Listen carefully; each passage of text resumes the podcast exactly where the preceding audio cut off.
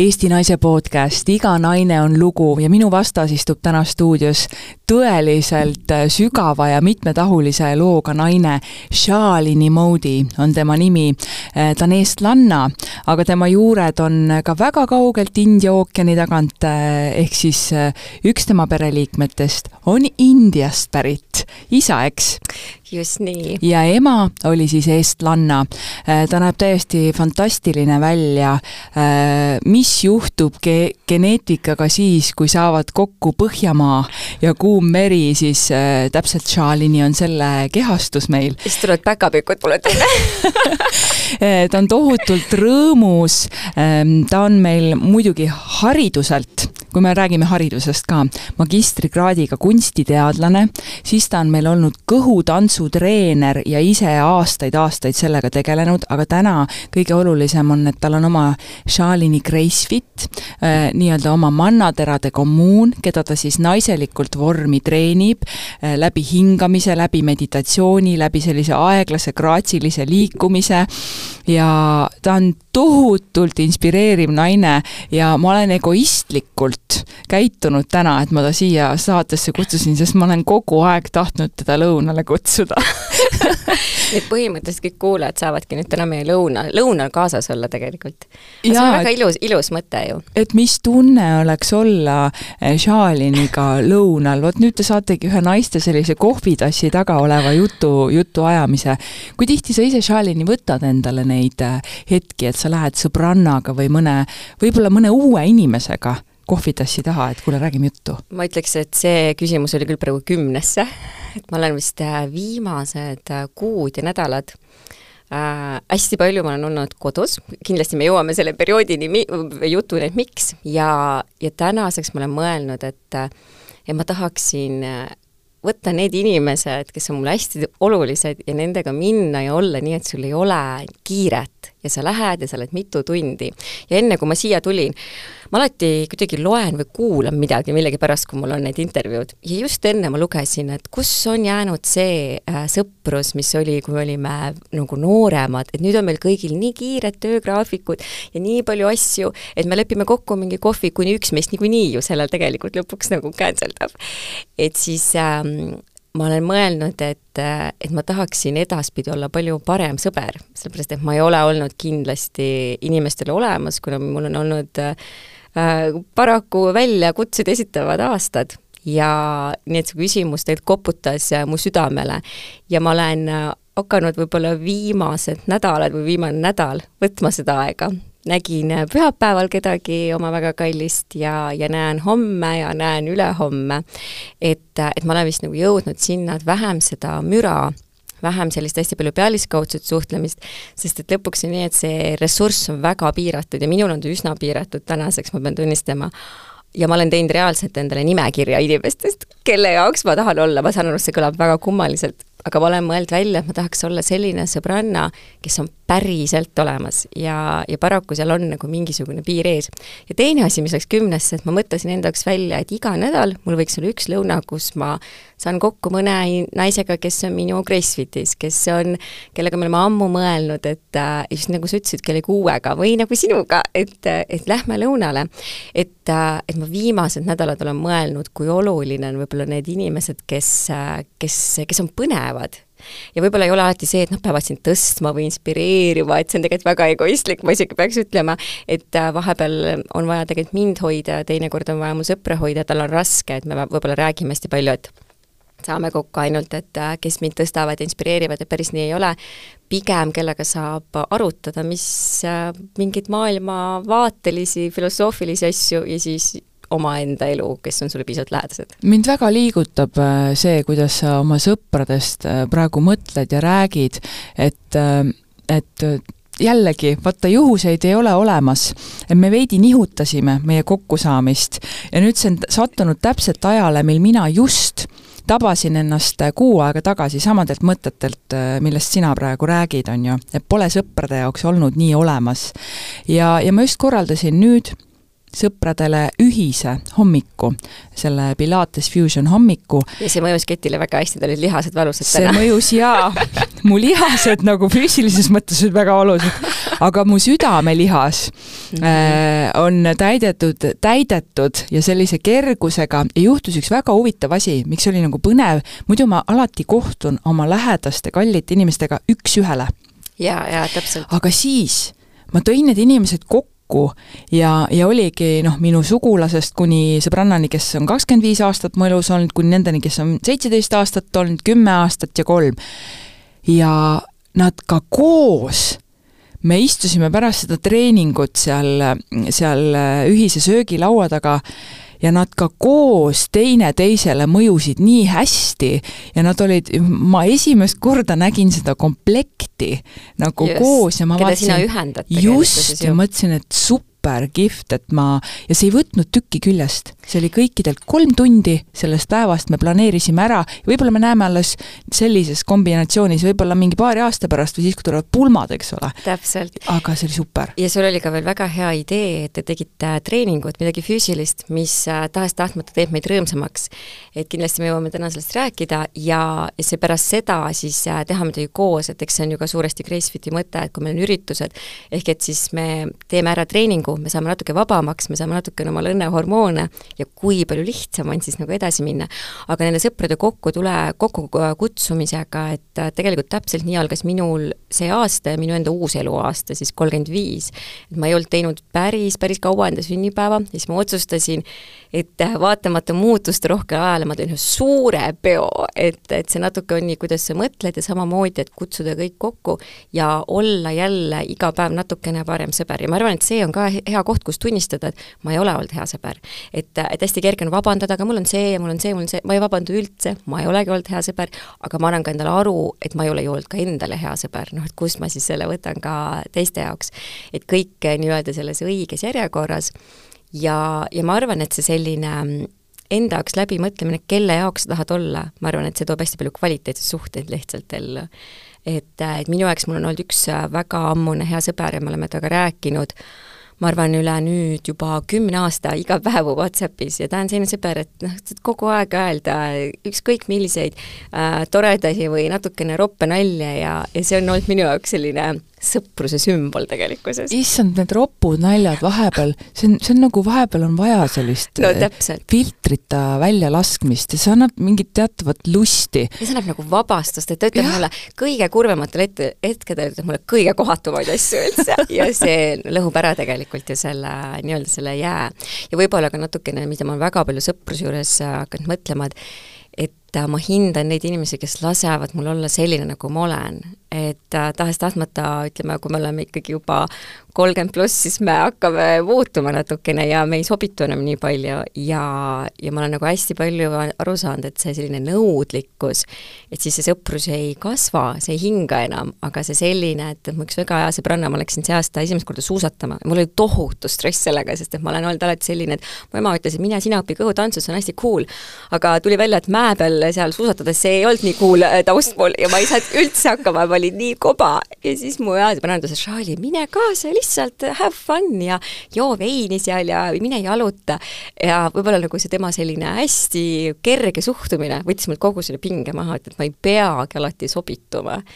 et jah, et, et see see, võib-olla ma olen jõudnud ka alles nüüd sellesse ikka, kus ma tohutult hindan seda, seda päris, päris sõprust ja kes lasevad olla nii, nagu sa oled.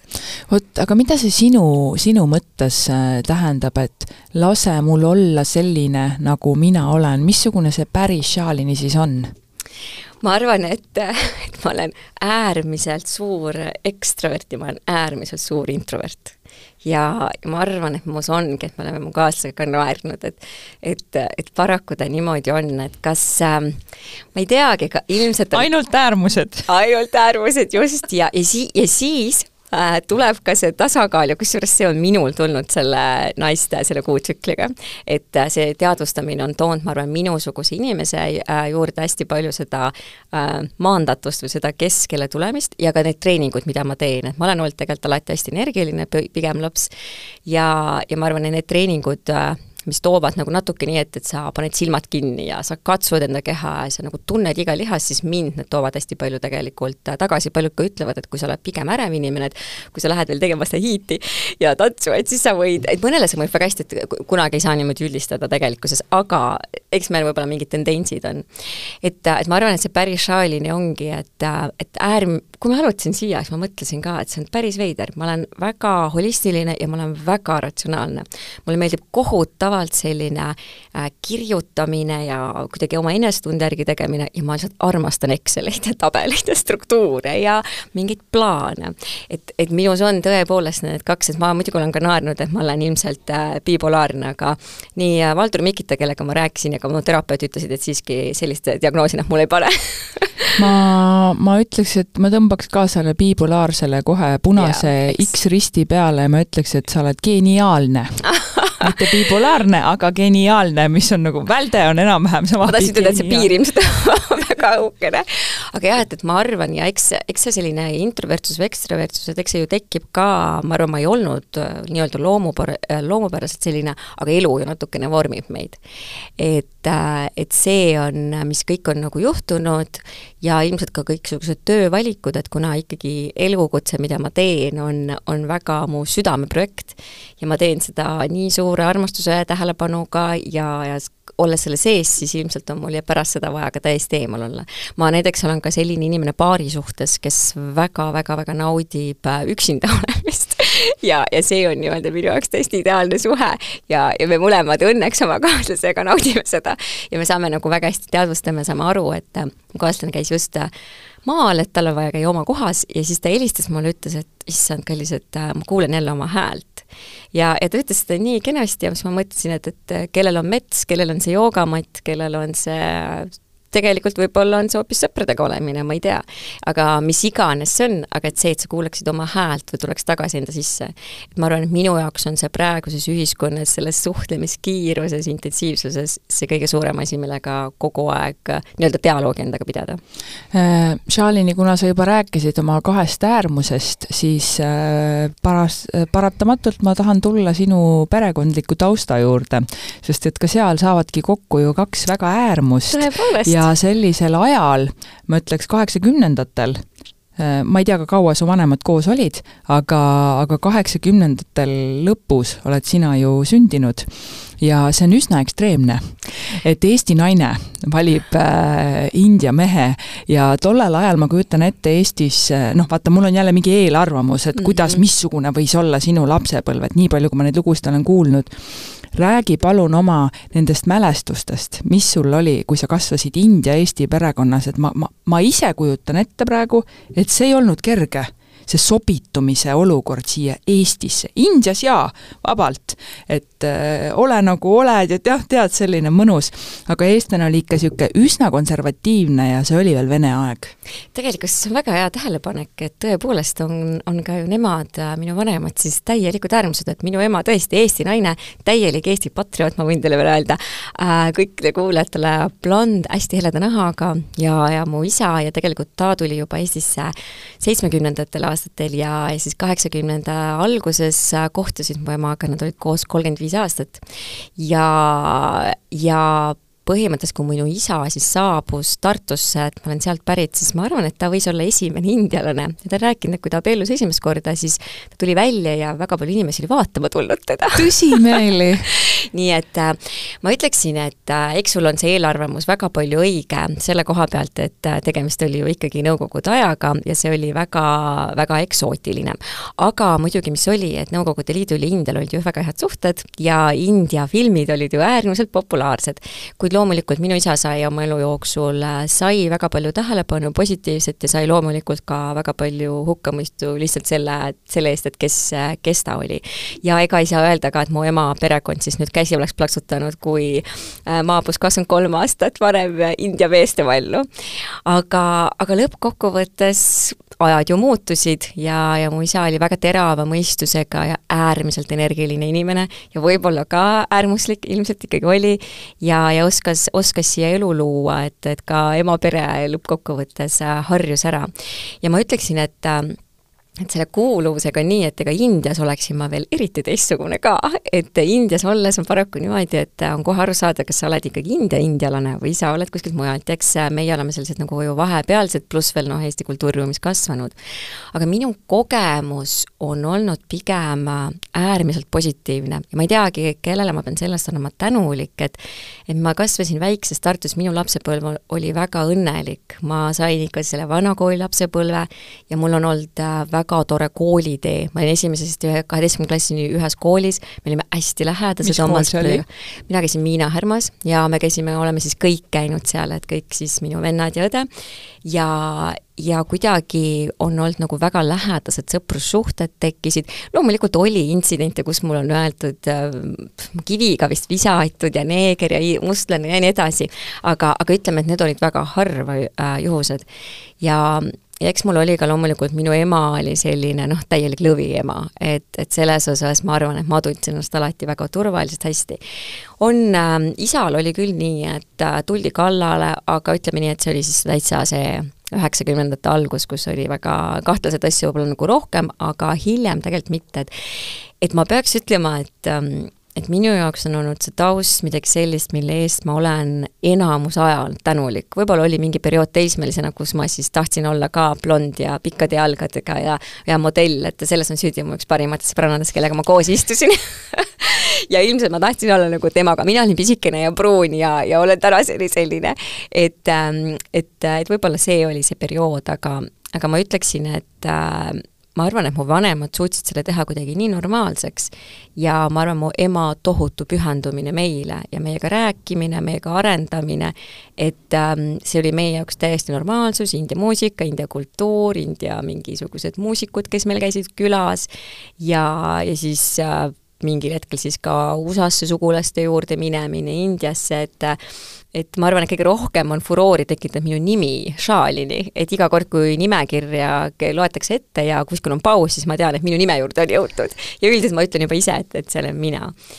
aga ma isegi pean tunnistama, et võib-olla tänu sellele ma olen saanud lihtsamalt inimestega kontakti, sest et see on olnud huvitav. täna on õnneks, ja see on ainult õnneks tõesti, et meil on rohkem äh, igasuguseid erinevaid rahvuseid Eestis, aga, aga tol ajal ma pean jah, tõesti tunnistama, et äh, ma olen tänulik sellise heasoovlikkuse eest. sinu ema ähm,, teda täna enam ei ole aga te olite temaga väga lähedased ja kuna sa sotsiaalmeedias oled oma kogu seda tema äramineku ja lahkumise protsessi hästi avameelselt lahanud, sa oled toeks ma arvan, et kas see võib olla ka osa sinu enda paranemisprotsessist või kuidagi selle leina filtreerimisest või läbi, läbi kogemisest, aga see nii paljusid inimesi aitab ma arvan, et see, see otsus sai mul ka siis tehtud, kui äh, mu ema jäi haigeks ja, ja kuna oli Covid ja ma tegin kogu aeg live-treeninguid. ja kuidagi, kui live-treeningud meil algasid, meil ei olnud enam üldse sellist asja nagu live-treeningud, siis ma, me rääkisime kogu aeg oma saja, kahesaja, kolmesaja osalejaga, et me päris palju võtsime mingi teema treeninguks ja kirjuta-, siis nad kirjutasid päris palju, kuna see oli aeg, kus me olime kõik kodus ja ma arvan, et emotsioone oli päris palju ja ma arvan, mäletan väga hästi seda päeva, kui ma mõtlesin, et nüüd ma teen otsuse, et kas ma jagan seda, äh, milles ma olen juba ise olnud, sest ma, ma täpselt ei tea, kuidas, aga ma tegin kogu aeg edasi treeninguid, et täna ma olen palju tundlikum ja täna ma võib-olla oleksin eemal, aga tol hetkel ma ei olnud ja ma arvan, et ka ma ei olnud sellepärast, et ma tundsin, et see on kõige suurem tugi äh, sel hetkel. ja, ja kuna ma olen Gracefiti algusest peale teinud hästi kuidagi ausast kohast, sest et see ausus enese vastu on meie Gracefiti kõige vist kesksem filosoofia üldse, et tule siia matile ja ole aus, sest et see on see koht, kus keegi ei näe sind, sa ei pea kuidagi olema ja, ja vahest on ju endal ka väga palju emotsioone, mida me ei taha tegelikkuses tunnistada mitte kuskil. Aga kui me selle ära tunnistame, esimene häbitunne lahtub, siis sa saad palju kergemaks ja, ja ma arvan, et see oli üks äh, tegelikult kontseptuaalne otsus, et kas ma räägin või ma ei räägi ja ma teen hea näo ja teeme trenni ja saame lihasesse. ja ma otsustasin, et ma jagan seda ja sel hetkel oli üsna, üsna kindel ka, et, et ega mu ema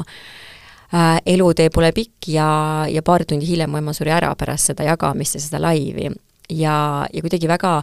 kummaline üldse, et äh, ma sain teada, et mu ema on haige, kui ma tegin live-treeningut kaheksa nädalat varem ja ma tegin seda Facebookis ja mu õde kirjutas mulle, et ema diagnoos on tulnud, et tal on kolm kuni neli kuud elada, tegelikult elas mu ema ainult kaks kuud, ja ma keset seda live-treeningut lugesin seda ja ma tegin lõpuni, aga, aga lihtsalt ma täpselt isegi ei tea enam, kus kohas ma ise olin ja ma lihtsalt tegin. ja, ja kui ma olen jaganud seda kõike, siis see kindlasti on ka leina osa, aga see on ka see osa, kust ma seda Gracefiti teen. et võib-olla vastasel juhul ma oleksin siis võtnud pausi ja teinud, aga, aga võib-olla on ka see, mis ma mõtlesin, et aga Gracefit on tegelikult ühe naise elu. naise elu, kui ta on noor, siis kui tulevad esimesed armumised, tohutud pettumused, olgem ausad, siis äh, me võib-olla mingi hetk saame emaks, kõik see protsess, lapsed saavad suuremaks, enese kaotamine, enese leidmine, oma karjäärivalikud, siis me jõuame menopausi, ja siis on nii nagu kõik, et me jõuame üks hetk nii-öelda sellesse suurde lõpp-punkti või koju. ja kuna ma olen Gracefiti praegu mõtestanud nii, siis minu ema nii-öelda sellise ema ja naiseks olemise sümbolina, et tema eluteed äh, jagada, see tundus mulle äh, see tundus mulle ainuõige ja see tundus mulle selline, et ma olen väga turvalises ja nii intiimses kohas, mis siis, et Gracefit'is on kümneid tuhandeid inimesi, aga see tundus mulle, et see ongi see teema, millest ma, milles, mida me siin Gracefitis teeme. see, et me saame vormi, see on ülihea asi, millega matile tulla, sest et sul on vaja mingit eesmärki. aga tegelikkuses see on nagu, see on ühe naise elu, ühe naise lugu ja neid lugusid nüüd on meil tõesti tuhandeid ja tuhandeid. ja selle aja jooksul, kui ma jagasin, siis loomulikult äh, olen ma kuulanud ja kuulnud sadasid lugusid äh, kaotustest ja leinast ja, ja me igaüks tegelikult elame seda leina läbi, lihtsalt väga ju erineval viisil. aitäh sulle, Shalini, et sa seda tegid ja et sa seda teed, et et sinu lugu, et, et täna sa oled võib-olla palju kergemas kohas omadega, aga see kõik aitab äh, meid praegu kaasa, kellel on täna need mingid protsessid ja, käimas. ja tegelikkuses noh, võib-olla võin ka ütelda, et, et see on, see paraku on kahjuks niisugune jah, nüüd elukestev ju protsess ja, ja võib-olla ka väga paljud tunnevad, väga paljud tunnevad väga palju tundeid sellel ajal ja ma võin ka öelda, et mul on kohe kolm aastat äh, siis sellest kõigest ja, ja see täpselt nii, nagu seda kirjeldatakse, et need on lained. Ja, ja ma arvan, et need lained äh, loksuvad veel mõnda aega, et on, on paremaid hetki ja on väga palju halvemaid hetki, et kõik, kes selles on, siis see on täiesti loomulik. Shalini, kui ma sind kuulan praegu ja üldse vaatan sind niimoodi eemalt, siis äh, mulle tundub, et sa oled hästi paigas. nagu mitte selles mõttes kuhugi kinni jäänud, vaid sa oled oma sisemusega ja kõige sellega, mida sa teed, kuidagi oma miksidele leidnud väga õiged vastused. me ikka küsime, et miks ma teen seda või, või miks ma, miks ma olen, nagu ma olen, on ju, või või kuhu ma siis liikumas olen, et sellised eksistentsiaalsed küsimused mulle, mulle tundub, et sa oled need suutnud ära lahendada ja siis sa liigudki nii-öelda õiges suunas, noh, sellises suunas, kuhu täpselt ei tea, mis see lõpp-punkt on, on ju, ja see, ja see peakski ju olema elu, et me kogeme ja me läheme oma rada. räägi mulle, kuidas, kuidas sa oled saanud oma miksidele vastused ja kuidas sa oled leidnud need õiged küsimused oma elu juhatama, et mis need sinu harjumused on? hästi suured küsimused, aga ma saan aru, et ma näen ja ma tean, et sa saad aru, mida ma tahan. see küsimus on väga hea küsimus, et, et see ei ole küsimus selline, et kas sa oled nüüd paigas ja siis sa ütled, jaa, mul on kõik nii hästi, mul on oma rutiinikesed paigas, et et mis on ju väga armsad asjad, aga vahest ma olen mõelnud ja lugedes kõike, kõike enda ümber, et, et me oleme palju keerukamad, me ei ole üldse nii lihtsasti seletatavad, et et, et see küsimus oli mitte, et ütle mulle viis harjumust, mida sa teed. et äh, ma arvan, et ma väiksest peale äh, väga palju ja siin ma jällegi jõuan tagasi oma ema juurde, et mu ema hästi palju rääkis meiega ja ta rääkis väga palju filosoofilistest teemadest. ja edasi, kui ma sain suuremaks, läksime õppima ajalugu ja ma pean tunnistama, et mul on kõige rohkem äh,, mulle meeldib rääkida sellistest ja mõtelda mingisugustest äh, nii-öelda suurtest tunnetest või asjadest. ja, ja tegelikkuses see paigal olemine ei pruugi üldse olema, olla nii, et sa tunned, et sa oled äh, ülimaandatud, aga aga sa tead, millist dialoogi sul on vaja endaga pidada. võib-olla näiteks on niimoodi, et, et see maandatus võib olla sul täiesti olemas, nagu sa ütlesid, ja siis selle maandatuse sees on sul hetki, kus sa oled väga kaoses ja sul on neid hetki, kus sa oled väga hästi, aga sa nii-öelda elad sellel maandatuse saarekesel juba ja see on okei okay,, et see kõigub, sellepärast et äh, ma olen palju ka öelnud, et ma väga palju väljakutseid ei taha enam elus teha, sest elu toob nii palju väljakutseid nii või naa. kui hea mõte see on. ma ei taha väga palju väljakutseid enam elus teha, sest see elu toob nagunii meile väljakutseid ja ma mõtlesin, ma kirjutan uue selle kolumni, mis ma kirjutan, et ma ei kavatse ühtegi väljakutset teha ja ma olen väga palju teinud ja, ja, ja neid katsetanud, aga ma olen jõudnud väga palju selleni, et ma tahaks elada äh,, terveneda, mõtestada elu võib-olla hoopiski läbi ilu, läbi naudingute, seda heas mõttes, et ega teatud distsipliin on ka nauding ja kui äh, mingisugune harjumus on juba enesehävituslik, siis see tegelikult ei ole enam ilu ega nauding. kui mu vanemad surid, siis ma suutsin tulla sellisesse kohta, kus ma nagu nägin elu järsku suuremalt, ma nägin, et mu ema lahkumine oli natukene selline religioosne või spirituaalne, me olime kõik tema ümber ja hoidsime oma elu algest kinni. ja täpselt nii see oli ja ta tegi viimased hingetemed kogu äh, oma eluarmastust ehk äh, minu isa ja meie siis laste, laste kaisus ja, ja see oli kõige suurem hetk üldse mu tegelikkuses elus ja ma, ja ma suutsin, kui mu isa lahkus, siis äh, samamoodi, et ma suutsin seda näha, et nad on koos nüüd ja nii, ja siis ma kaotasin mingi hetk täielikult selle. Ja ma olin ainult selles, kuidas mu, kuidas mu emal oli nii raske. Ja, ja mul oli nii suur ärevus, et ma ei ole, ma arvan, seda kunagi enne tundnud. ja nüüd tagasitulemine tegelikult tekkis mul sellega täpselt, nagu sa ütlesid, et äh, nende küsimuste küsimine endalt ja see dialoog, milline ma olen, mida ma vajan, milliseid inimesi va-, ma vajan, millist rütmi ma va-, äh, vajan. Ja võib-olla, et, mida ma üldse siin elus äh, tegelikult tahan teha ja see toobki mind tegelikult täiesti tagasi selleni, et see äärmiselt aus olemine. üks hetk ma ärkasin üles ja mõtlesin, et tegelikkuses ma võib-olla ei soovigi seda narratiivi luua, mida ma arvasin, et ma loon. ja on täiesti okei okay,, et minu jaoks on üks teine narratiiv olemas, et alguses on seda hästi raske mõista, et aga see narratiiv, mis ma olen ju välja mõelnud, see oli nii paigas ja, ja nüüd seda ei ole ja võib-olla võib tekkida, minul on tekkinud ka tunne, et aga võib-olla ongi kõik. et võib-olla sellel elul ei ole, sest minu jaoks enam midagi pakkuda ja ma arvan, kõik inimesed kellel on olnud need tumedad mõtted, saavad väga hästi praegu aru, mida ma mõtlen selle all, ja siis sa järsku tegelikkuses, nagu sa ütlesid, sa tuled tagasi enda sisse ja, ja sa mõtled, et aga mina, minu missioon võib-olla, minu elu üldse ongi teistsugune ja see on väga ilus. mind on kõige rohkem aidanud äh, seda maandatuse tunnet tuua kindlasti liikumine, see on teaduslikult tõestatud, aga ma ütleksin, et iga inimene peab valima äh, endale sobiva liikumise ja võib-olla selle liikumise, kus sa tunned ennast. mul on olnud treeninguid, kus ma ikka päriselt tunnen ja kus ma päriselt järsku ma nagu avanen ja mind on väga palju aidanud just nimelt see dialoog, mina teen seda kirjutamise tegelikult justkui tehnikas, aga see küsimine endalt, et et, äh, et millist, millist elu ma soovin. ja see kõlab võib-olla lihtsalt ja nii edasi, aga, aga aina detailsemaks hakkad minema ja võib-olla sul tuleb välja, et issand, aga ma ei tahagi hoopiski seda asja teha ja ja, ja see on hirmutav alguses, aga, aga ma arvan, et äh, mida rohkem sa selle üle mõtled, rohkem nii-öelda kindlalt jõuad endasse, siis sa saad seda öelda sellise rahulikkusega, naeratusega ja, ja nii-öelda enesekindlusega, et kõike saab teha, ma arvan, nagu niisuguselt armastuse ja lugupidamisega ka. see kirjutamine on äh, tõesti hästi kasulik metoodika, mida enda puhul rakendada, et ma ise siin just kogesin paar nädalat tagasi, et äh, mul oli ka kolm sellist ideed, mida ma soovisin realiseerima hakata. Ja üks nendest oli minu jaoks nagu kõige-kõige nagu erutavam ja siis hakkasin lahti kirjutama kõiki neid asju ja panin sinna siis need väärtused juurde, mis on minu sellised põhiväärtused elus. ja üldse töö tegemises, kui me noh, läheme mm -hmm. siis mhm. sinna eneseteostuse valdkonda. ja, ja tuli välja nii, et see, mis mind kõige rohkem tõmbas, sai minu väärtustega kõige vähem läks kokku täpselt. ja siis ma sain aru, et appi, aga see tuleb siit maha kriipsutada praegu, et see polegi üldse, et see tundus mulle mingi väga atraktiivne tegevus, asi, positsioon,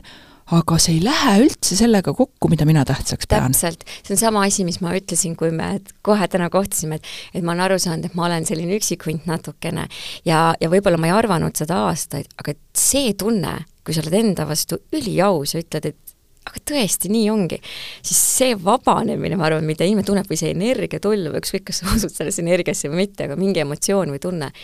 vot see annab sulle ära, et, et see, et see oli nagu see õige. et ma väga võib-olla nii-öelda soovitaksin äh, siis kõigil naistel ja noh, kui meil on ka meeskuulajaid, lihtsalt küsida, et et mis see tegelikkuses on, nagu mida ma soovin ja ma ei ole üldse see pooldaja, et jäta kõik oma pere ja töö ja padavai mine kuhugi. absoluutselt mitte. ma tegelikult olen pigem ise selline hästi rahulikult äh, paralleelselt asju hakkan võib-olla siis muutma, kuni ma jõuan selle muutuseni. aga, aga ma nii kaua pusin ja ma pusin nii kaua, kuni ma saan vastuse, et mul on viimased kaks kuud olnud selline aeg, kus ma kus ma tundsin, et äh, ma naersin, et äh, ma ütlesin ka oma terapeudile, et ma lihtsalt reaalselt, sa ajad ka närvi juba mind, ma ei suuda siia ka enam tulla. ma ütlesin seda naljaga, aga ma ütlesin, et ja ma tund-, ma tundsin, et mul on isegi nagu, ma olen üks nagu väike laps, mul oli piinlik öelda ja siis ma sain aru, et millest ma räägin, et et see on ju koht, kus ma pean olema aus ja, ja siis mul tekkis selline hetk, kus ma tundsin, et kõik tuleb ära jätta. ja võtta, mulle otseselt meeldib öelda, need nii-öelda valged päevad, mitte ühte kohustust ei ole mitte ühte kokkulepet, isegi sotsiaalset kohvitamist ja, ja kuigi mulle tundus, kui mu kaaslane küsis mult iga hommik, et noh, et mis sa siis nüüd tegema hakkad, siis ma ütlesin talle, ma ei tea, ja häbitunne ja selline nagu natukene läbikukkunud naise tunne,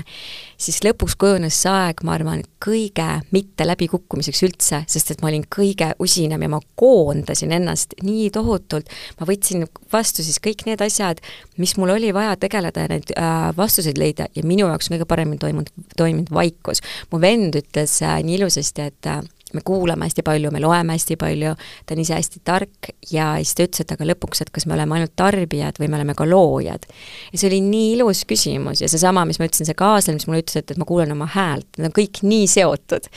et kui me võtame vaikust ja me kuulame oma häält ja siis me loome ja suudame ka endale võib-olla luua siis selle, kes meie oleme, et ma olen hästi palju mõelnud selle naiselikkuse ja mehelikkuse ajastu peale, mis meil minu meelest praegu siin toimub siin maailmas ja see on täiesti normaalne, et neid küsimusi küsida endalt ja mõtelda, kuidas no, seda aktiveerida. mis mõttes naiselikkuse, mehelikkuse? võib-olla nagu kogu see, et kuidas olla naiselikum, kuidas olla mehelikum, kuidas neid energiaid endas käivitada ja ma arvan, mulle kõige rohkem, ja see on väga normaalne, et äh, mina alustasin täiesti oma teekonda nii, aga võib-olla täna ma kõige rohkem mõtlen, et et tegelikult me vajame kõik tugevat olemist ja tegelikult vajame kõik olema sellist, et me võime olla hellad. minu kaaslane vajab täpselt samamoodi oma aega, tamas on täpselt samamoodi olemas tugevus ja õrnus nagu minus, ma pigem ütleks, et tuleb õppida tundma, kes mina olen. sa ei pea panema kleiti selga, kui sina tunned ennast kaunina, hoopis teistmoodi, et ma nagu ütleks, et pigem leia oma isikupära. ja siis, kui sa mingi päev tahad kleidi panna, aga teine päev tahad panna lõhki rebitud teksad Just. ja tossud või siis tahad äh, olla ilma meigita või tahad ennast täiega glamuurseks teha, see on, see ongi elu kaif. vot täpselt. ja mina, ja kunagi ma kuulasin või lugesin, kuidas Evelin Võigemast minu meelest kirjutas, et tema jaoks on kõige naiselikum töö see, kui ta teeb midagi ära hästi nagu rasket oma kodu jaoks.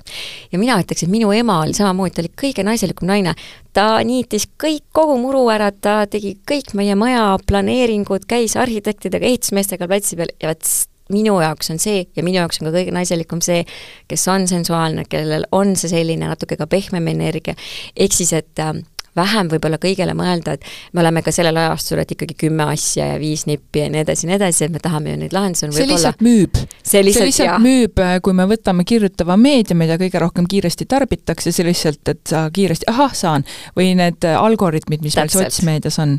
vastus olemas. just, et, et, et ma tegelikult isegi ütleks, et kõik need praktilised nõuanded, on väga toredad ja, ja ma, mina teen ka neid, aga ma kõige rohkem ütleksin, et, et mingine asi on nagu meie olekus ja see on nagu see, kuidas mu hea sõber ütles, et äh, kõige suurem eneseareng on elu kogemine ja elu elamine. Ja, ja vot võib-olla selle juurde ma nagu utsitaks tagasi tulema, sellist natukene elamine, kogemine, mingisugune olek, mida sa saad ja, ja läbi selle sa leiad vastused, et et mis on sinu isikupära, mis on sinu naiselikkus, mis on sinu tugevus, mis on sinu õrnus, nii edasi, nii edasi. et, et lihtsalt eks ta on nii, et me tarbime väga palju samu materjale, asju, programme nii edasi, nii edasi me ei tarbi tegelikult samu.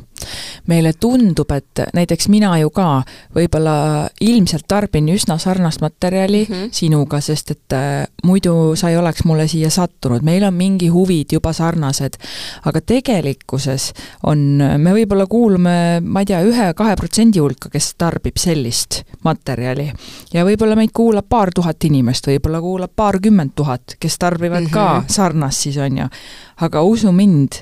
on miljoneid ja sadu tuhandeid ka Eestis, kes on hoopis teises ruumis ja ja, ja ongi okei okay,, sarnane mingis mõttes tõmbab sarnast, on ju, aga mina ise olen äh, avastanud seda, et me ei peagi olema kõik samas inforuumis. ja, ja, ja ongi kõige parem on see, kui me olemegi kõik erinevas inforuumis, kui see on nagu heatahtlik inforuum. aga, aga jääme nagu äh, selles mõttes nagu sallivaks. Või et igalühel on ruumi. Ja, ja see on okei okay,, et me, me nagu, me ei peagi mahtuma nii-öelda, nii-öelda samasse sa,, samale poodiumile teineteisega, me ei pea olema kõik kõrvuti, aga me eksisteerime ja me oleme nagu okei okay kõik. ma arvan, et täpselt nii ongi, et, et on mingisugused trendid, ütleme siis nii, et, et on mingid natukene valitsevad trendid. Ja, ja võib-olla, et ma alati, ma alati soovitaks hästi palju nagu erinevaid asju äh, lugeda ja uurida. et, äh, et ma tean väga hästi, et kui sa lähed mingisugusesse teemasse sisse, siis sa lähed ja lähed ja, ja või võib-olla tundub ka natukene see, et et on mingisugune uus teooria ja siis seda justkui esitletakse, et see on ainuke viis, kuidas elada, aga siis tuleb juba uus ja uus ja uus, et et ma arvan, et kunstikoolis ma sain äh, kõige parema lause kaasa, et äh, ole tolerantne, aga kriitiline ja, ja ma arvan, et see on väga hea lause, et, et loed siit, loed sealt ja siis kujundad enda, enda asja justkui välja või et kui ka keegi midagi õpetab, et siis tihti on see, et see on ainukene ja üks ja õige asi, et et, et võib-olla ongi, ei ole üldse halvad mingisugused trendid, aga kui me oleme ainult selle sees, siis see maailm jääb väga kitsaks. ja see on ka üks asi, mida ma kõige rohkem ütleks, et võimalikult palju võimalikult erinevat äh,, erinevas infoväljas olla, absoluutselt või siis vaadata, mul just äh, hommikul tegin silmad lahti ja ma tegelesin raamatute sorteerimisega ja mul oli öökapi peale jäänud siis need mingi kaheksa erinevat raamatut, mis ma olin siis, ma ei tea, viimase mingi kuu aja jooksul vist no, lugenud või kahe kuu jooksul nii. ja siis ma vaatasin läbilõiget noh, et vaata, et, et mis just, infot just. ma siis olen, ma soovitan teil ka vaadata seda läbilõiget. et minul oligi seal, on ju tegelikult, et, et mida ma siis enda sisse olen tõmmanud ja, ja siis, sest ma tegin endaga kokkuleppe, niisuguse pakti, et ma loen ära need raamatud, mis mul kõik kodus olemas on, sest mulle meeldib hullult raamatuid shopata, mulle ei meeldi riideid shopata. kuulajatel on see, et sa lähed sinna nagu raamatupoodi juba täiesti erutusega, absoluutselt. ja siis, ja ma loen kohe hästi õhinaga läbi ja, ja siis, ja siis äh, ma räägin no, nii õhinal sellest teemast, siis öeldakse, oi, et aga seal hoopis kuskil mujal on hoopis veel võimsam asi, ma tahan seda ka kindlasti lugeda. või jälgige oma telefoni aknakesi. et äh, mis noh näiteks vaata, et, et ärge lükake neid kohe eest ära mm, -hmm. vaid vaata, et mida sa oled siis vaadanud või, või mis need algoritmid sulle ette viskavad, et mis teemasid, et see annab päris palju sinu enda kohta ka tegelikult. see oli praegu ka jällegi nii kümnesse, sest et ma vist kaks nädalat tagasi tellisin umbes viisteist uut raamatut kui äge! ja täpselt samasugune emotsioon ja valdas mind ja minul olid täpselt samad, loeks nüüd läbi kõigepealt need, mis on. ja, ja neid raamatuid ja siis, kui ma tõin mingid raamatud koju, siis mu kaaslane ütles, et, et õpikutel käisid järgi või et, et see oli ka väga hea peegel, peegel peegeldus mulle ja, ja täpselt nende raamatute ostmisele, et, ähm, et pigem validagi väga erinevad. et, ähm, et seesama võib-olla see küsimus, see maandatus, mis sa nagu ütlesid, või see selline kohal või paigal olemine, et ma arvan, et just äh, see selline mingisugune laiem või mitmekülgsus maailmast huvi tundmine annab selle. sest sa saad aru, et, et ongi erinevad lood ja erinevad variandid ja võimalikkus. ja kui sa oled nagu liialt selles ühes sees, siis võib-olla saab üks hetk see lugu otsa ja siis sul ei olegi enam muid, muid variante. ja, ja tegelikkuses korraks minna tagasi isegi võib-olla kõige, kõige selle teema juurde, et siis äh, keegi küsis mult ka, et, et mis, mis mul, mis mind nagu hommikul kuidagi motiveerib tõusma ja, ja ma olen jõudnud tagasi sellesse, et ma päris ausalt pean tunnistama, et elu ise, see, et ma saan kohvi juua, see, ma saan omal riide valida, mis ma panen selga, ja see, et äh, kuidagi see meeldetuletus, et elu on väga lahe või väga, väga, väga nagu tore. ja, ja kui me arvame, kaotame selle ära, siis lähevad häirekellad tööle ja siis ma olen kõige rohkem öelnud, et kui see maandatus või siis see koht, kus, mis ma ütlesin, et mina ei näinud enam kusjuures seda, ma nägin, ma sain kõigest aru, et kõik on väga äh,, mul pean olema tänulik, aga sul ei ole seda tunnet sees. et see on koht, kus tegelikult mina ütleksin, et äh, tuleb otsida tuge, tuleb otsida abi ja siis sa pead jõudma, miks ma need oma valged päevad tegin, kohta, kus sa hakkad ise endale tegelikult seda tuge andma. et ma arvan, need asjad nagu kõikide selle tarbimise ja kõige-kõigega, et keegi on väga hästi depressiooni kirjeldanud, et et siis sa lähed seda terapeuti valima, siis sa loed kõik need raamatud läbi ja siis sa oled veel rohkem segaduses, et, ähm, et see selline selline heas mõttes minu meelest tarbimine, täiesti pausi tegemine, loomine ja siis jälle tarbimine. Need valged päevad, äh, mul on õnnestunud pool aastat neid valgeid päevi endale siin pakkuda nii palju, kui ma tahan. ja ma saan, olen aru saanud, et äh, see on depressiooni parim ravim ega täpselt nii ongi. ja, ja nendest päevadest on saanud kõige produktiivsemad ja kõige kihvtimad ja lähedki, kulged ja oh, nüüd ma lähen oma lemmikrestorani üksinda. nüüd ma lähen jalutan, võtan klapid ära,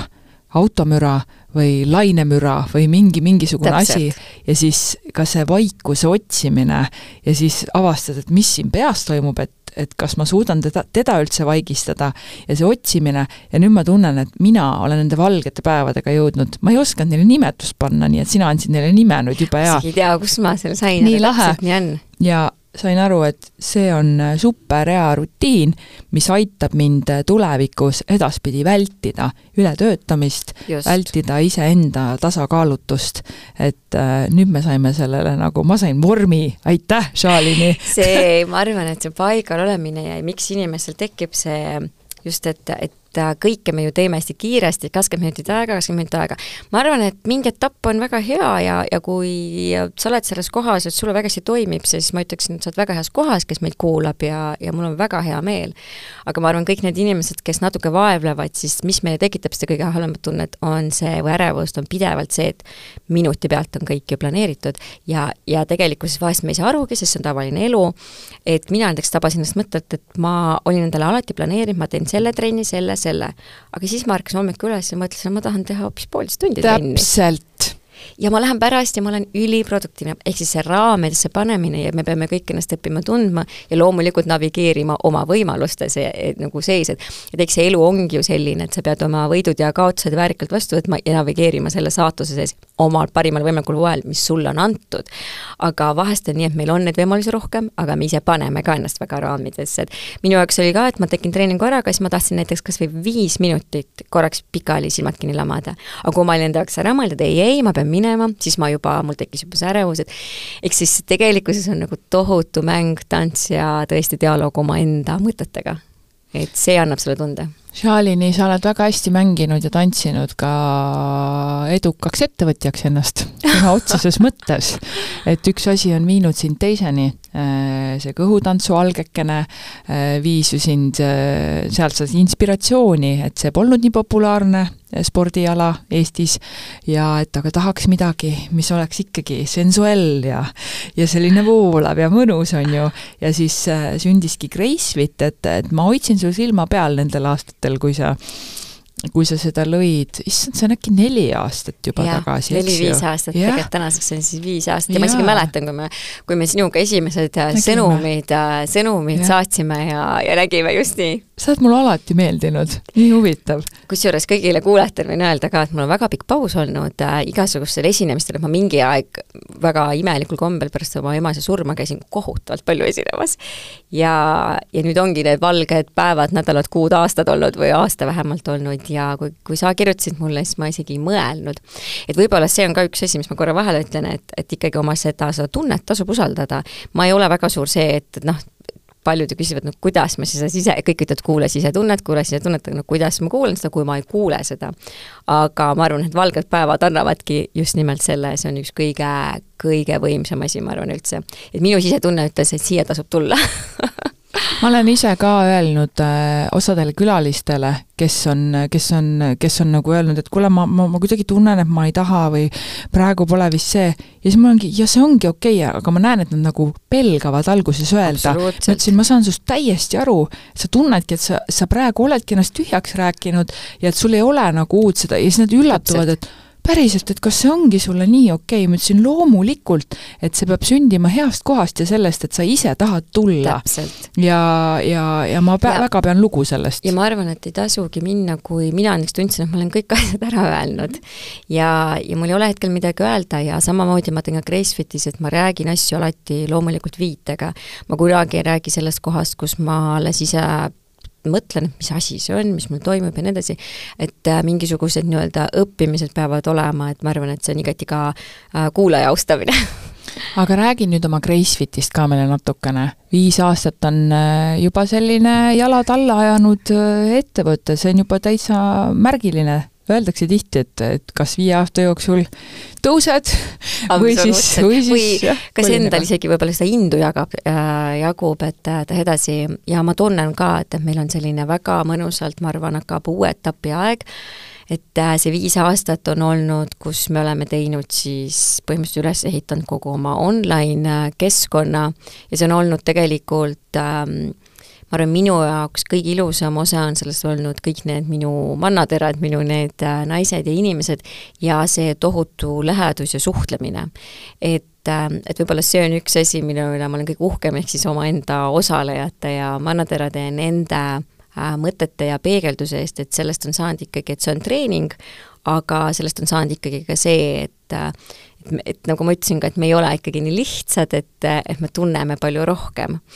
ja, ja selle ettevõtluse juures ma arvan, et minu Gracefitis on olnud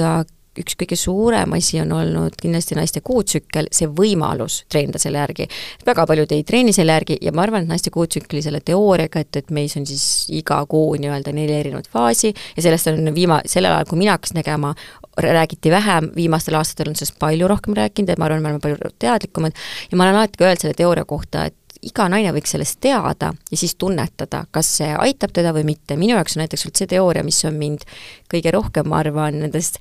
äärmustest toonud nagu tagasi jälle tasakaalu ja nii, kui ma näiteks ei jälgi seda, siis ma näen kohe, et, et see natuke mõjutab tegelikult. aga räägi nüüd natukene lahti need neli mis need tsüklid on? see teooria tegelikult on hästi, hästi ilusasti pandud aastaaegadega nii-öelda siis sümbioosi, mis on väga kerge seda seletada, et meil on talv, üldiselt millega siis alustatakse, et see on siis äh, menstruatsioon ja see talv on nii, nagu see talv on, et, et siis on nii-öelda nagu natukene ju nullpunkt. ja, ja nagu talvel ikka, me oleme sissepoole ja meie energia muutub, et kõikides nendes faasides meie energia, meie meeleolu, meie jõud, meie võib-olla nagu natukene ka mõte, mõtteid ja selline soov muutub. minu programmis Gracefitis on kõige enam siis treeningud pandud selle järgi, kui on meil siis talv, menstratsioon, siis ma alati ütlen, et ole enda vastu hell. see on no üks asi, mis on toonud kõige rohkem naistele pisarad silmi, sest et nad on arvanud, et nad peavad ennast menstratsiooni all tohutult pingutama ja siis tekib see läbikukkunud tunne ja see, et miks ma enam hakkama ei saa. et ma arvan, et see on üks tunne, kus me tunneme, et meid mõistetakse, ehk siis sa ise mõistad ennast tegelikkuses. mina näiteks teen väga tihti sellel ajal nii, et ma teen tööd, aga ma planeerin natukene äh, vaiksemad või natuke rohkem nagu puhkamishetki endale. ja, ja väga kenasti just ma lugesin, et keegi ütles, et pelgalt teadlik olemine, sellest võib su valusid tegelikult vähendada, tihti meil ei ole ju midagi viga nagu niimoodi, et me peame minema täiesti arsti juurde, vaid meil on natukene see aja planeerimine, ajakava, võib-olla saab äh, siia-sinna siis loksutada. pärast äh, menstratsiooni, kui meil on siis kevad, on äh, nii-öelda follikulaarfaas ja, ja kevad on nii, kus sa üldiselt naised ka tunnevad, et see energia hakkab hakkab tegelikult tõusma. ja väga paljud tunnevad endast ära, et tekib hästi palju ideid, tahaks hästi palju teha, tahad hästi palju lubada. Ja, ja noh, me võime, paljud ütlevad, et nad ei tunne midagi. Ja, ja nii ongi, võib-olla ei tunne, aga väga paljud siiski hakkavad naerma lihtsalt, kui seda teooriat nad loevad ja, ja pärast, pärast kevadefaasi, kevadefaasis mina ka soovitan teha tegelikult äh, tantsulisi treeninguid ja sa oled ka selline mängulisem, sa tahad teha, sul on jõudu, su keha nii-öelda toetab seda, et kui me räägime siis, äh, siis mis meil kehas toimub, siis see on lihtsalt hormoonid lähevad üles-alla ja sinu keha lihtsalt toetab tegelikult seda loomupäraselt. kui meil tuleb siis äh, ovolutsioon, suvi, ovolutsioon on võib-olla menstratsiooniga siis kõige rohkem, mida me teame tegelikult. et siis see on see, kus sa oled ilus ja õitsev ja olgem ausad, me tunneme väga palju oma libidot palju paremini, me tunneme ennast seksuaalselt palju paremini ja samamoodi, et suvel ja selle ovulatsiooni ajal, et kõiksugused intensiivsed ja hiidid ja bootcamp'id ja kõik, mida me armastame, et siis tasubki teha. see on ka näiteks faas, kus ma ütlen, et ilmselt on siin laiskus, kui ei taha teha trenni ja loomulikult on alati ka erandeid, kui sul ongi midagi justkui tervisega häda. ja, ja viimane faas on meil sügis, mis on luteaalfaas, ma arvan, et see sügis on kõige rohkem, mida me ei ole teadvustanud. ma arvan, et me teadvustame väga hästi menstratsiooni. see on nagu nagu PMS siis ju no,, uudne. ja nii ongi, sügise teine faas. algus sügis on ju väga tore mm, -hmm. tegelikult päike paistab ja niisugune mõnus on, aga sügise teine pool on ju niisugune natuke tuuline ja vihmane ja vot täpselt seda novembrit me tunnetame kõige enam, minul on näiteks täpselt see, et üsna kümme päeva, nädal aega, siis enne ma juba, ma hakkan nutma kindlasti äh, kergemini. mind on hästi palju aidanud see teooria, ma arvan, suhtes, sellepärast et alguses mina ei saanud aru ja ma elasin väga palju välja ja mulle tundus kõik nii palju halvem. aga sügise faasis öeldakse, et äh, ole natuke rohkem üksinda, tee niimoodi, ole kookonis, korrasta mingeid asju, et sinu aju ka väga palju muutub ja mingid ülesanded saad võimekam lihtsalt ühel ajal ja teisel ajal võib-olla vähem. et, äh, et see, see teooria teooria on tõepoolest äh, väga palju aidanud ja, ja ma ütleks veel kord, et väga paljud ütlevad, et nad ei tunneta seda. ja Gracefidis mina olen teinud ka see, et sa võid selle järgi treenida, sa saad endal filtreerida treeninguid siis vastavalt selle faasile, aga sa ei pea. ja, ja paljud ei tee seda, paljud teevad seda. ma ütleks, et üldse elus on väga vähe ju neid õigeid ja valesid vastuseid, päris palju on ju seda enesetunnetust ja see on ka võib-olla põhjus selle nii-öelda selle eneseharimise olulisus, et sa oled teadlik aga minu jaoks on see teooria midagi sellist, mis toimub minu enda kehas, et, äh, et ma ikkagi väga palju tunnetan ja küsin endalt, et äh, miks mul on see ja, ja kus ma olen. Ja mina olen kalendrisse ära märkinud kõik oma faasid, ma tean täpselt ja ma näen, sest mul on nagu visuaalselt ees. Ja kui mina pean väga palju esinema või filmima, siis ma kindlalt ei tee seda selle novembrikuul või siis sellel nii-öelda sisemisel äh, talve ajal. see on, see on väga õige, täpne soovitus, mina näiteks ei võta vastu suuri projekte, teleprojekte, salvestusi või äh, näiteks noh, mis iganes, mingeid galajuhtimisi äh, sellel sügise perioodil. kui on talv, siis, siis ma saan hakkama. aga see tähendab seda, et siis ma teen ainult selle ühe asja päevas. kusjuures minul on sama, et talve ajal tegelikult ma ütleksin, et mul on juba vabanemine mm, -hmm. mul on juba päris hästi. aga, aga just, et, et selles mõttes tasub ennast jälgida, millal me ärritume rohkem, millal me vähem ja, ja noh, võib-olla ma ju kuulen ka kõige enam, et me oleme väsinud, me oleme ärritunud, me oleme natuke läbi põlenud, me oleme võib-olla nagu natuke mingi hetk nagu segaduses, et siis see aitab väga palju lihtsalt selgemaks saada ja aitab tegelikult vältida seda, sest lõpuks äh, nagu ma ütlesin, et elu on ju lahe tegelikult. Ja, ja samas see kuutsükkel ja menstruatsioon naisel, et, et see on nii-öelda terve naise äh, loomulik osa et, et äh, jällegi tasub, et, et kui meil see toimib niimoodi, nagu, nagu ta peaks toimima, siis see on tegelikult väga suur õnnistus ja kingitus. täpselt, et ma olen, et ja ma olen hästi palju ka öelnud, et et kõik need sellised äh, valikud, asjad, et, et oleneb siis meie enda sisemise tsükli järgi, kuidas me valime, siis tegelikult väga palju oleneb ka aasta järgi, me ei saa, peab päris täpselt samamoodi elada talvel ja suvel. väga palju ma alati ütlen, et vaata, kus eluetapis sa oled, kas sa oled beebiootel, võib-olla sul on väiksed lapsed, võib-olla sul on just suured lapsed. et me, et nagu iga, et hästi, mina ütleksin, et ma olen kõige enam jõudnud selleni, et kogu aeg küsida üle, kus ma olen, mida ma vajan äh,, et, et need etapid, me oleme väga tsüklilised ja lihtsalt ka nagu elu jooksul. ja, ja ma nagu ise võib-olla mõelda, et ma taha, ma tahaks olla selline naine, et et kui ma olen praegu, elu on teinud nii, et mul ei ole täna näiteks veel lapsi, et siis ma naudin seda ja kui ma jään siis rasedaks, siis ma naudin sada protsenti seda. ja kui mul on see väike laps, siis ma naudin seda ja et ma kuidagi nagu jõuaksin sellesse, et ähm, et sa päriselt saadki aru, mis etapis sa oled ja sa austad seda naisena. et, et see on ikkagi päris nagu imeline, et meil naistena on antud seda dünaamilisust natuke rohkem kui meestele tegelikkuses ja me ilmselt ka tunneme võib-olla mingeid asju natukene teravamalt. ja, ja see kindlasti on seotud meie kuutsükliga. sa oled väga paljudele äh, õhus rippunud küsimustele tänase vestluse jooksul vastuseid andnud. mulle eeskätt. ja ma tahaks väga loota, et ka paljudele kuulajatele, et kuidagi nii, nii sügavad, suured teemad said nii kergelt äh, kuidagi tahtsin just öelda, et väga kerge vestlus on olnud ja see on äh,, ma ei ütleks, et see üllatab mind, aga vot ongi, et kõige parem on see, et kui ei pane mitte kellelegi suuri ootuseid, vaid, vaid lasedki inimestega kohtumisel lasta sellise loomuliku flow, eks see eeldab ka mingit kogemust või, või iseendaga kontaktis olemist, on ju. jaa, ja ma arvan, tegelikult nagu klappi ka, et, et sa ütlesid alguses midagi, et issand, et sa oled nii rõõmsameelne, nii nagu energiline, et mm. et ma arvan, et see on ka üks asi, mida ma väga soovitaks kõigil jälgida, et ikkagi et kus me tunneme ennast rõõmsameelsena, ma, ma ei arva üldse, et kogu aeg peab olema hullult rõõmus ja õudselt kaunis ja seksikas, absoluutselt mitte, ma päris ausalt ütlen, aga aeg-ajalt ju võiks. et, ähm, et see on ka, mida ma, ma arvan, nagu jälgin, nagu ma ka ütlesin, et et sa kirjutasid, mul oli kohe hea tunne ja, ja sa tuled, et et võib-olla rohkem, rohkem nii-öelda siis jälgida ikkagi seda, et, et mis, mis, mis tekitab seda head tunnet. et, mingil määral need lihtsad ja suured asjad, mida igalt poolt sa kuuled ja öeldakse, et mingil määral need vastavad, vastavad tõele, et et et see elu ikkagi võiks ju veeta niimoodi, et, et sa natuke rohkem teed neid asju ja oled nende inimestega, millest me alustasime seda vestlust tegelikult. nii et äh, ma arvan, et nüüd tasub see episood uuesti üle kuulata, võtta siis oma märkmik või siis telefoni notes'id, kes mida armastab ja, ja kui me siin ennist tegime nalja, et need top viis nippi või top kümme saladust, siis ma arvan, siit saab vähemalt top kakskümmend enda terveks järgmiseks aastaks, et, et nii-öelda Šaalini selline väike selline mõtete kogumik, äh, tohutult ilus äh, inimene nii seest kui väljast ja, ja mul kuidagi süda on praegu kukkunud kuhugi kuhugi kuskile ära, et selline hästi selline helge olemine on siin, siin podcast'i